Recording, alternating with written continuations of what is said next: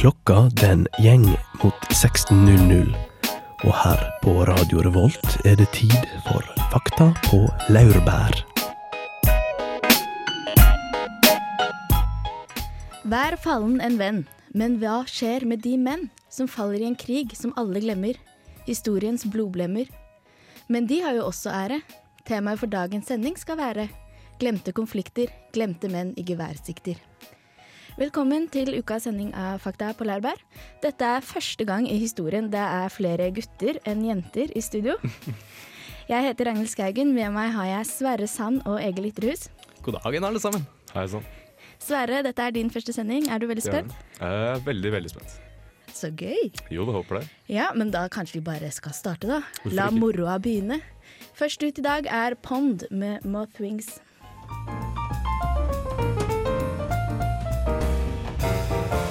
Fakta på laurbær. Der hørte du Pond med Moth Wings, og du hører på Fakta på laurbær. Og som tidligere nevnt så er temaet i dag glemte kriger. Og hvorfor har vi valgt dette temaet, spør du kanskje. Og da lurer jeg på, Sverre, hva svarer du til det? Um, det er uh, vel um, veldig mye som har skjedd i glemte kriger, som har uh, gått rett forbi historiebøkene. Uh, det er ofte, ofte de krigene som uh, har mest dødsfall, som har skjedd i de flest sentrale delene av verden, som uh, um, kanskje får uh, mest um, oppmerksomhet. Ja, stemmer jo det. Alle menn har jo ære i krig, i så fall Riktig. påstås det. Ja, vi kan komme på det. Ja, det er ære å falle for fedrelandet. Er det egentlig det, Egil? Ja, det er jo det. Ja. Ja, Særlig en glemt krig. Særlig en glemt krig. Hvilken krig er det du har lyst til å trekke fram som den kanskje mest spennende glemte krigen? Nei, det er jo litt sånn i andre, sånn, i andre verdenskrig-tider så var det jo den eh, krigen mellom Finland og, og Russland som er veldig interessant. Ja. Inntil krigen der. Ellers så skal man jo eh, i dag få høre litt om den eh, meksikansk-amerikanske krigen, og det er jo også interessante saker. Ja, det er det du har fokusert på i dag. Og hvis noen har lyst til å lære litt mer om eh, den Russland-finske krigen, den skal vi ikke prate så mye om i dag, men da anbefaler jeg å lese 'Hoggerne'. Og det er en veldig god bok. Les den. Uh, jeg har tenkt, litt på Falklandskrigen. Jeg syns at den er jo oppe i dagens historie, men har ikke fått, litt, ja, har ikke fått like mye plass. De som falt der, har ikke fått måte like mye ære som de som har falt i andre kriger, og de har blitt litt forsømt av det britiske regjeringen. Det skal vi prate mer om senere. Hvilken krig er det du har eh, fokusert på i dag, Sverre? I dag har jeg fokusert på den uh, veldig veldig spennende slaget om uh, Kringen, som skjedde på 1600-tallet i Gudbrandsdalen. Oi, kjempespennende. Mm, det er gleder jeg meg. Virkelig et oppgjør mellom uh, bønder og skotter. Vi skal høre mer om eh, det etterpå. Først her skal vi høre på Flatbush Zombies med Thug Waffle, og etter det så går vi rett til min lille skal vi si overfladiske beretning om hva som skjedde under Falklandskrigen.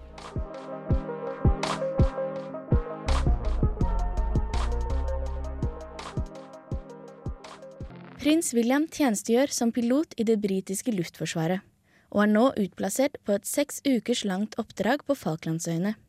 Den britiske forsvarsministeren William Hague understreker at prins William er blitt sendt på oppdrag på lik linje med hvilken som helst annen offiser, og at prinsens tilstedeværelse på øyene derfor ikke må oppfattes som en provokasjon.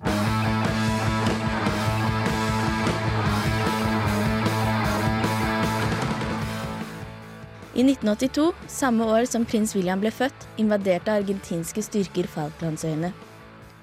Den argentinske militærjuntaen begrunnet invasjonen med at Falklandsøyene var en del av de landområdene Spania etterlot Argentina etter frigjøringen i 1816.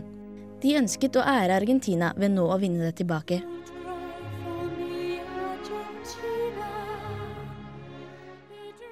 Politisk sjonglering med øyene har kastet dem mellom Storbritannia, Frankrike og Spania, men øyene har siden 1833 vært under britisk herredømme. Det finnes en liten minoritet av søramerikanere på øyene, hovedsakelig fra Chile, men de fleste er enten britiske eller av britisk avstamming. Britisk er det offisielle språket.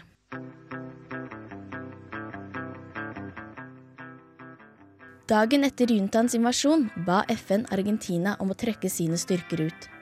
Når de ikke etterfulgte dette, valgte Margaret Thatcher å sende en styrke på 27 000 mann og 100 skip. British sovereign territory has been invaded by a foreign power. Storbritannias høyteknologiske krigsmaskineri trumfet til slutt Argentinas foreldede flåte, og etter 74 dager med kamphandlinger, hovedsakelig til sjøs og i luftrommet, overga argentinerne seg.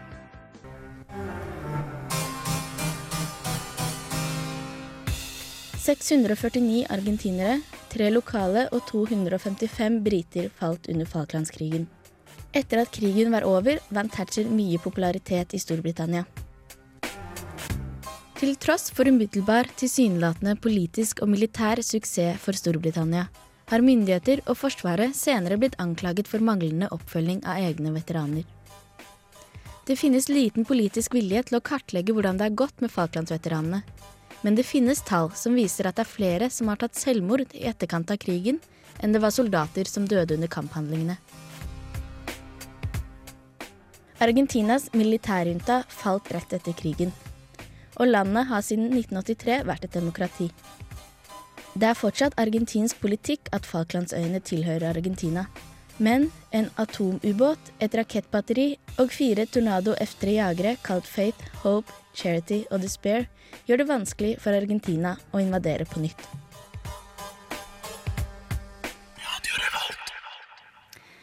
Det var et trist kapittel i Storbritannias historie, den Falklandskrigen, er jeg redd.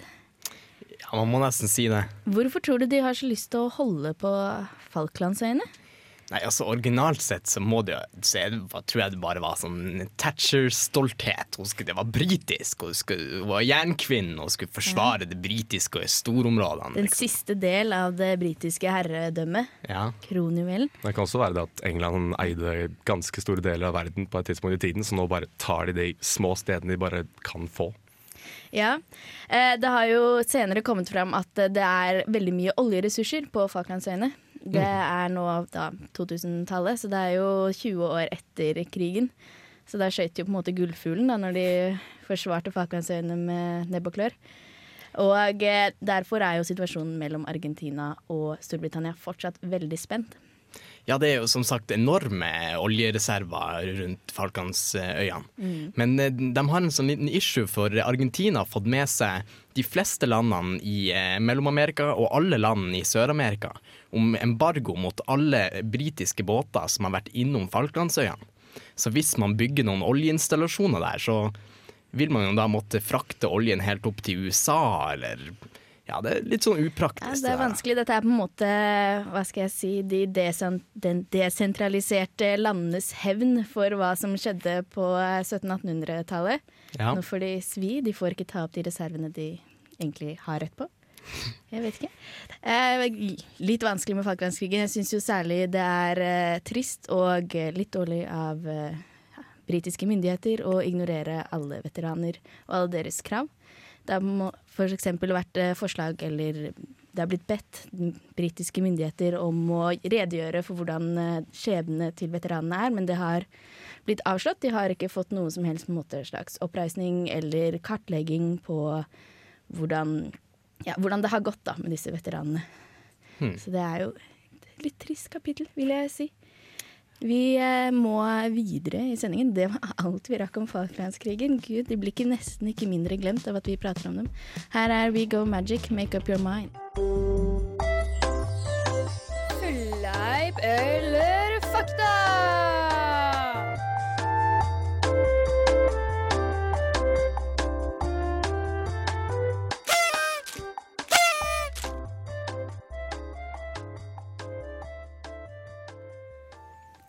Ja, da har vi kommet fram til Fleip eller fakta, og i dag så sender jeg stafettpinnen videre fra Astrid via meg og til Sverre. Gratulerer. Tusen hjertelig. tusen hjertelig. Du er forberedt i dag? Jeg er veldig forberedt. Jeg surfet litt på internett i stad for å finne fram til eh, fleip eller fakta-spørsmål. Ja. Eh, Vi kan starte med en gang, tenker jeg. Hvis alle er klare? Ja. Vi er klar, vi er klar. Sykt bra. Eh, Det ble registrert ett dødsfall i andre verdenskrig, hvor dødsårsaken var av pil og bue. Nei, men ja, Det kan jeg godt tenke meg. det. Ja. Var det noen indianere innblandet? Nei, det var ikke noen kamphandlinger. Ikke noe veldig mye kamphandlinger på det amerikanske kontinentet, i hvert fall. Men litt sånn partisanvirksomhet eller noe sånt, som ikke fikk tak i våpen, så de snekra seg en pil og bue. Ja, Ja absolutt. Ja, det var, ja, det er fakta, eller Svaret er at det er fakta. Eh, det var ikke en indianer. Det var en eh, skotte ved navn Jack Churchill. Ah, eh, som hadde det flotte sitatet eh, som er eh, enhver soldat som går inn i krig uten sitt sverd og pil og bue, er ikke godt nok utrustet. Ja, Churchill er jo kjent for sitater, begge to altså. Ikke sant? Eh, til nummer to skal vi se. Um, den korteste krigen uh, on record i verden varte i 16 minutter. Ja, var det sånn der eh, stirrekrig? Hva var det Om å gjøre ikke blunke først. Det er lenge å holde 16 minutter da. Det var håndbak mellom to Og. Egil kanskje. tenker kjempehardt. Jeg har hørt om det her, verdens korteste krig, eller tidenes korteste krig. Det er jo et begrep, men jeg husker ikke. hva 16 det minutter, det er jo nesten så lite at du rekker ikke Og jeg kan tenke meg at det var ikke, det var ikke etter at de fikk telefon. Du rekker ikke å sende et brev to veier engang på 16 minutter. Nei, det, Det, det er et godt poeng. Ok, Så det var en litt mod... Ja. Mod- Enten må det ha vært en moderne krig, eller så fins det ikke. Jeg tror jeg svarer fleip, jeg, rett og slett. Nei, fakta. Du tror fakta? Ja. Svaret er faktisk at det er fleip. Gud, Eh, det er meg. den korteste varte i 38 minutter da Zanzibar overga seg til Storbritannia. Ja, det kan jeg forstå at de gjorde. Kanskje. Kanskje? Ja, Ta en til da, Sverre. Vi rekker vel det. Det gjør vi nok. Hundreårskrigen varte i 100 år. Det er fleip. Det har dere helt rett i, begge to. Den var mellom Storbritannia og Frankrike i 116 år. 116 år. Ja, for det klinger ikke like fint.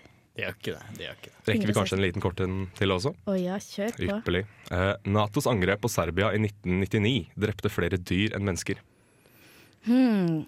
Er det mye dyr i Serbia, spør jeg da. Det var jo mye bombeangrep. Ja, altså Bomber dem som gårder og grisefarmer og alt mulig. Jeg tror, jeg, jeg, jeg tror på Ja, serbiske slakter, er ikke det et slags uttrykk?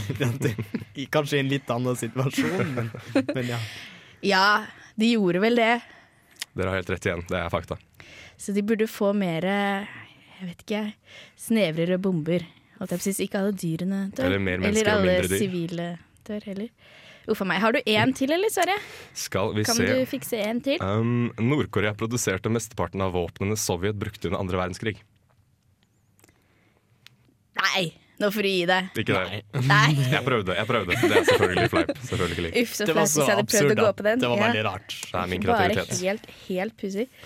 Vel, vi eh, skal videre i sending. Vi skal høre på Across Tundras, apropos Russland og sånn. Med Indian Summer Storms, apropos Amerika og sånn.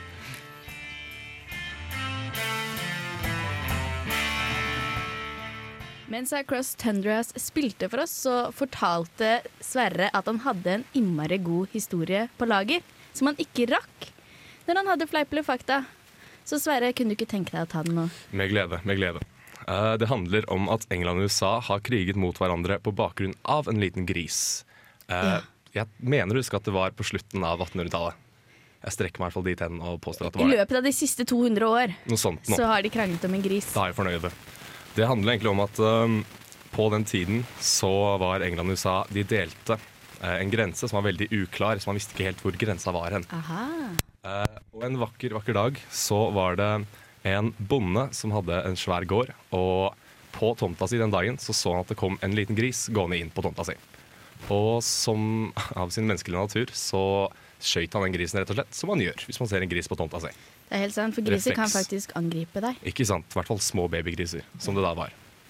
Eh, Det var altså en eier da, av denne grisen som eh, sikkert likte grisen veldig godt. Hadde et godt forhold til grisen sin. Så eh, han eh, forlangte penger av denne bonden. Eh, ved navn Lyman Cutler, forresten, het bonden. Og Lyman Cutler ville kompensere for denne grisen ved å tilby Charles Griffin, som var eieren av grisen, 10 dollar. Men det ville ikke Charles Griffin bli med på det hele tatt. Han ville heller ha 100 dollar. Eh, og ettersom eh, Cutler da ikke hadde lyst til å betale 100 dollar, så gikk Griffin og prøvde å få Cutler arrestert. Dette likte jo Cutler veldig dårlig, så han, eh, til, han ringte til militærhjelp. Og så kom det 66 amerikanske soldater for å bistå Cutler. Og det førte også til en motreaksjon av Eller motreaksjon fra engelske styrker. Og eh, antall styrker bygde seg opp på begge sider. Noe som førte til at eh, plutselig ute in nowhere så var det veldig, veldig mange styrker på hver sin side som ikke gjorde noe annet fordi de hadde fått beskjed om at de ikke skulle skyte hvis ikke de ble skutt på selv. Dette skjønner jeg at det er en glemt krig. Jeg må innrømme at jeg føler at denne historien egentlig er en del av et Donald-blad.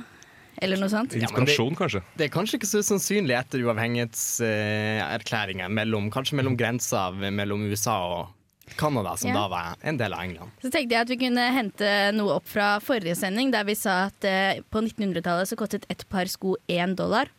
Og tenke da at hvis en gris er verdt ti par sko, eller er den verdt 100 par sko, kan det stemme at det var ca. på 1900-tallet? Slutten av 1800-tallet da? Ja. Ja, du ville betalt 100 par sko for en gris. Minst. Minst. Det kommer an på skoene og grisen, egentlig. Ja, selvfølgelig. Ok, men Så da har vi alle, alle faktaene på plass. Mhm. For en fantastisk historie, Mm, bare, bare avslutte med at eh, ja. det skjedde faktisk ingenting. Og i et par år etter den hendelsen så var det ca. 100 soldater som ble gjenlevende på dette stedet, som levde sammen som venner. Wow. Litt happy ending, altså. Ja, nå ble det enda, enda mer eh, Donald-aktig for meg. Eh, vi skal videre i sendingen. Vi skal høre på Stand High Patrol med Entertainer. Og etter det så skal Egil informere oss litt grann om hva egentlig den amerikansk-meksikanske krigen gikk ut på.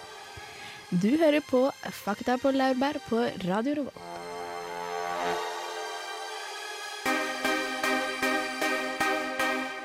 What kind of job do you do? Visste du at Texas, California, Utah, Nevada og deler av Colorado, Arizona, New Mexico og Wyoming egentlig tilhørte Mexico? For dette var ikke områder som tilhørte britene og som en del av USA under uavhengighetskrigene. Det var heller ikke sånne her indianerområder som ble urobra gjennom nysettling og pionerer. Dette var områder som tilhørte den uavhengige republikken Mexico, en tidligere spansk kolonistat som ble frigjort i 1821. Men du har kanskje hørt om David Crocket og slaget ved Alamofortet? For i perioden etter at Mexico løsrev seg fra Spania, var det veldig mange amerikanere som emigrerte fra USA og flytta over grensa til Mexico. Faktisk så mange at Texas hadde et engelskspråklig flertall. Dette førte til en avstand mellom befolkninga i Texas og den meksikanske staten. Det ble uroligheter, og i 1835 erklærte Texas seg for en uavhengig stat. Dette aksepterte ikke Mexico, og slaget om Alamofortet, hvor David Crocket døde, var et av de her slagene styrkene fra Texas tapte. Men ett år senere, i 1836, ga Mexico opp sine militære operasjoner, og Texas var i praksis en fri stat. I 1845 ble Texas tilbudt inntreden som delstat i USA. Det tilbudet aksepterte Texas, men Mexico anså fortsatt Texas som en del av Mexico, så de så på det her som en krigserklæring fra USA sin side. USA prøvde å kjøpe seg ut av situasjonen ved å tilby Mexico en økonomisk kompensasjon. Men Mexico avslådde tilbudet, og den meksikansk-amerikanske krigen var et faktum. Krigen varte fra 1846 til 1848, og kalles i Mexico ganske enkelt for den amerikanske invasjonen, og med god grunn. De meksikanske styrkene hadde lite å stille opp med, og USA invaderte store deler av Mexico og erobra bl.a. Mexico City. Man antar at ca. 15 000 meksikanske soldater mista livet i krigen. Tall for sivile tap, som garantert var skyhøy, finnes ikke. Ved fredsforhandlingene måtte Mexico oppgi 55% av sine originale territorier til USA, deriblant solfylte California og, som nevnt, Texas. Og det her mot en liten økonomisk kompensasjon fra USA. Veldig spennende. Veldig nytt, Egil. Ja, altså California, liksom store, store deler av USA var en del av Mexico. Og så var det krig, og så tok USA det. Det er ganske absurd. USA Ja. tok det. Ikke første gang USA tar noe. Nei, det stemmer jo. Og nå så lar de jo ikke meksikanerne krysse Rio Grande engang. Dette er ikke rettferdig. det er jo faktisk ikke det.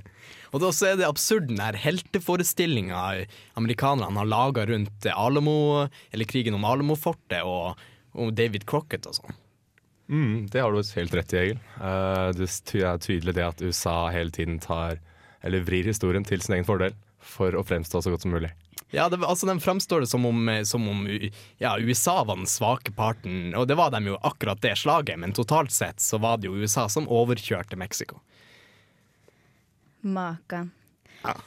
Det var det jeg skulle si. Nei, men eh, de sier jo at innen 2030 så vil eh, mesteparten Altså dette kan jo være rykter da som jeg har lest om på internett, men at innen 2030 så vil eh, flere snakke spansk enn engelsk i Amerika, og da får jo disse wetbacks sin lille hevn, da. Ja, Endelig, over 100 år etter.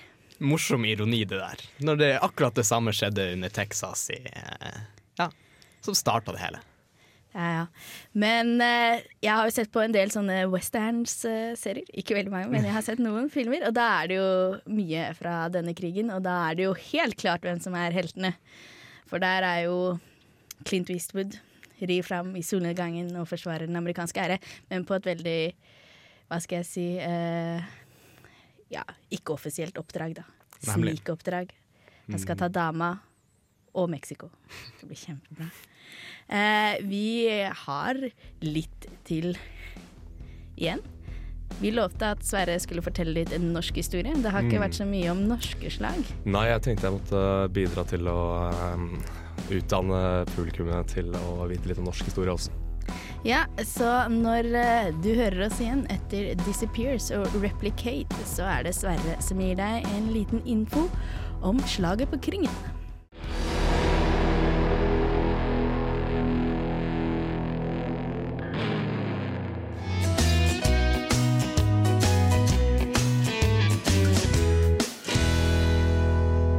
Fakta på laurbær. Året er 1612, og den svenske kongen Gustav 2. trosser eneretten Jakob 1. av England har på rekruttering av engelske og skotske leirsoldater. Gustav 2. sin far og Jakob 1. sin datter Elisabeth hadde lenge hatt planer om å giftes, og ved et giftermål ble det avgitt et løfte om at svenskekongen skulle få leie 3000 leiesoldater. Brev med løftene ble sendt av gårde med den skotske obersten Andrew Ramsay. Skipet hans ble kapret av et dansk-norsk krigsskip, og Andrew ble tvunget til å kaste brevet over bord. Ramsay ble sluppet fri da han lovte å ikke verve flere engelske-skotske tropper for svenskekongen. Oberst Ramsay holdt ikke sitt løfte og engasjerte fire andre personer, deriblant sin egen bror Alexander Ramsay, sir Robert Kerr og to andre kapteiner ved navn Hay og Sinclair. Disse begynte å verve soldater ved hjelp av forskjellige metoder. Blant annet ble arresterte røvere på grensen mellom England og Skottland frifunnet mot å la seg verve. Rekrutteringen var så nådeløs at mange mennesker la på flukt. Da riksrådet i England fikk informasjon om rekrutteringen, utstedte de en befaling om at kompaniene som allerede var tatt om bord, skulle settes i land og oppløses. Tre kompanier kom seg likevel av sted, og utenfor muligheten til å innhentes. Dette førte til at oberst Ramsay ble stevnet av riksrådet. Han unnlot å møte opp for å svare for seg selv, og ble senere arrestert og dømt til landsforvisning. Planen var at tre partier med leietropper under Johan Mønichhoven, general Hawkett og Alexander Ramsay skulle møtes ved Shetland for å så seile i samlet styrke til Norge. Mønichhoven klarte å seile i feil retning, mens Hawkett aldri møtte opp som tidligere avtalt. Ramsay fulgte planen alene, og møtte to andre kompanier med hvert sitt skip som seilte under kapteinene Sinclair og Hay. Den 29. august fikk de landkjenning og gikk i land innerst i Romsdalsfjorden ved et sted kalt Isfjorden. Det lokale sagnet stemplet skottenes inntog så brutalt og voldsomt. Jenter og kvinner ble kjendet, rikdommer ble røvet, og ved gården Skauge ble en eldre bestemor slått i hjel og brent på sin egen gård. Disse groteske hendelsene førte naturlig nok til en motreaksjon. Norske bønder hadde allerede et organisert bondeoppbud ved krigstid. De var også utstyrt med våpen som spyd, øks, sabler, ljåer og noen få gevær. Mellom 300 og 500 bønder bestemte seg for å ta opp kampen mot de engelskskotske troppene. Den 5. september 1612 når de engelskskotske troppene frem til et sted kalt Kringen, som ligger i Gudbrandsdalen. Her hadde de norske bøndene allerede lagt seg i skjul ved en brått skråning. De hadde funnet posisjoner med god oversikt over landskapet og gode muligheter for bakomsgrep om nødvendig. Ved denne skråningen hadde bøndene forberedt seg godt med tømmerstokker og kampsteiner som de planla å rulle ned på de engelskskotske troppene ovenifra. Bøndene konstruerte også murer bestående av trær og steiner for å gjøre fremrykket til motstanderne enda tregere. Med terrenget på sin side klarte bøndene til slutt å ta livet av så godt som samtlige soldater ved hjelp av tungt materiale og gravitasjon. De engelskskotske troppene overgår seg fort, men lite tyder på at de var mann for sine ord ettersom de fortsatte å kjempe. Bøndene satte inn siste støt og klarte til slutt å få til en endelig seier. Bare 134 engelskskotske soldater overlevde slaget. En majoritet druknet i nærliggende elver, noe som ifølge sagnet farget vannet rødt nedover i dalen. 116 av de 134 overlevende ble massakrert i en liten bygning kalt Skotteloven den dag i dag. Av de resterende 18 var det bare fire offiserer som fikk reise hjem etter forhør. Det var lite pressedekning på den tiden, noe som førte til at mesteparten av historien lever videre i sang, vers og prosa. Dette slaget er et godt eksempel på staheten til bønder, og ikke minst nordmenn. Så hvis du hører på Jens, sats på landbruk. Du vet aldri når du får en tømmerstokk i hodet.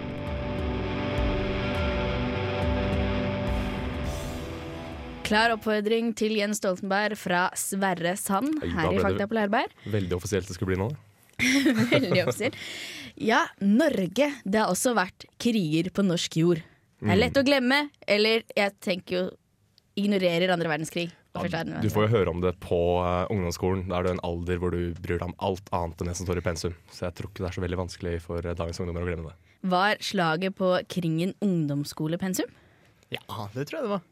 Burde være. Burde være. Ja, for uh, på lørdag så så jeg på Norske attraksjoner, og da var det en Jeg tror det var en nederlandsk kanonkule i en kirke i Bergen. Det har gått meg hus forbi. Som de fleste andre nordmenn, vil jeg tro. Ja, Nederløy, det var rart. Det kan hende at jeg mikser landene her. Det kan hende at de bare lagde en kjempesterk kanon og faktisk skjøt den helt til Norge. Men, Fra Nederland. men det er rart at liksom man ikke dyrker litt mer den, den storyen der. Jeg mener en norsk bonde her med ja, ja, fattige små våpen som bekjemper en sånn profesjonell hær for Skottland. Det burde jo være noe vi dyrker i Norge. Ja, der tar du på en måte litt feil, for vi gjør jo dyrker den. Har du noen gang tatt bussen fra Trondheim til Oslo? Da stopper man på et sted som heter Kvam, og der er det et vertshus.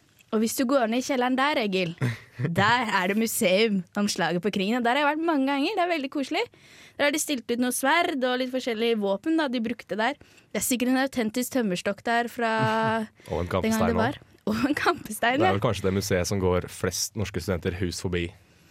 Noe Uten som er veldig rart, for du stopper der, du er der i en halvtime, og hva i all verden skal du finne på? At ikke flere har vært nede i det museet, skjønner ikke jeg. Men jeg er der alltid alene, så er det kanskje et par tyskere der. Noen turister. Noen Ja. pensjonister kanskje også. Jeg er som tar søndagsturen til eh, Alt- kroa på Kvam for å se innom på museet også. Alltid innom museet på turen også. Du er det, du, ja. Jeg, ja. jeg syns det sier noe om deg, Ragnhild, at det er andre folk som knapt får tida til å kjøpe seg en pølse, men du, du går ned på museet i, lille, i det der lille stoppet der. ja. jo, jeg vet ikke, jeg bare Jeg har jo med meg matpakke og sånn. Det er ikke noe poeng å stå i kø og kjøpe pølse når man kan gå på museum. Det er dedikasjon til norsk historie på sitt ypperste. Men det har ikke festa seg helt, da. Det som eh, Det jeg har sett på det museet der. Jeg husker at det er skotter, og jeg husker at det er krig, og kanskje litt skog. Men bortsett fra det så var det veldig fint å få en input fra deg, Sverre. Jo, det er bare hyggelig. Det er bare hyggelig å bidra. Jeg, jeg trenger enda litt mer input fra deg, fra Sverre. Fordi eh, i dag så har du prata litt om krigen mellom Pepsi og Cola, og også Powerade og Gatorade. Og jeg visste ikke at det faktisk var en krig. Det er en veldig, veldig um, diskré krig. Uh, den foregår i underbevisstheten hos veldig mange mennesker med tanke på reklame. Uh, den kan trekkes noen paralleller mellom Cola Pepsi og kriger mellom land, ettersom begge har et mål om å tjene noe på det de gjør. Uh, der hvor det er i kriger, så er kanskje man vil ha land. Mens hvis man kriger for Pepsi eller Cola, så vil man ha penger i stedet. Gjennom bruk av reklame for de, eller gjennom bruk av våpen for, uh, for land. Men da spør jeg skal ikke folk dø i kriga? Er det ikke det litt av greia? Er det noen som dør av denne krigen her? Powerade, Gatorade? Uh, sakte, men sikkert, vil jeg kunne tørre å påstå. Det er vel ikke sånn at hvis du drikker Cola eller Pepsi, så unngår du døden i det lange løp. Men kanskje du Men, eh, men alle, det- det- alle dør jo. Det sies jo at eh, ja, brus er en av de største, aller viktigste årsakene til fedmeproblemet. Og det, folk dør jo av det. Ja, OK. Ligningen er komplett. Pepsi Cola, den nye verdenskrigen. Ja, kanskje ikke nå, men vent da 20-30 år, det skal du se. Eh, vi skal høre på Chase and Chase med Wavy Navy, og det er noe av det siste vi rekker i Fakta på Laurbær.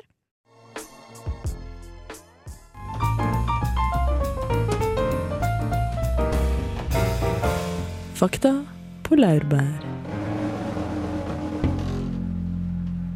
I dagens sending har vi hatt om glemte kriger her i Fakta på Laurbær. Vi har lært litt om den amerikanske meksikanske krigen, slaget på Kringen og Falklandskrigen. De tre kronjuvelene i kronen av de glemte kriger. Ja, vil påstå det. Ja, det er jo det.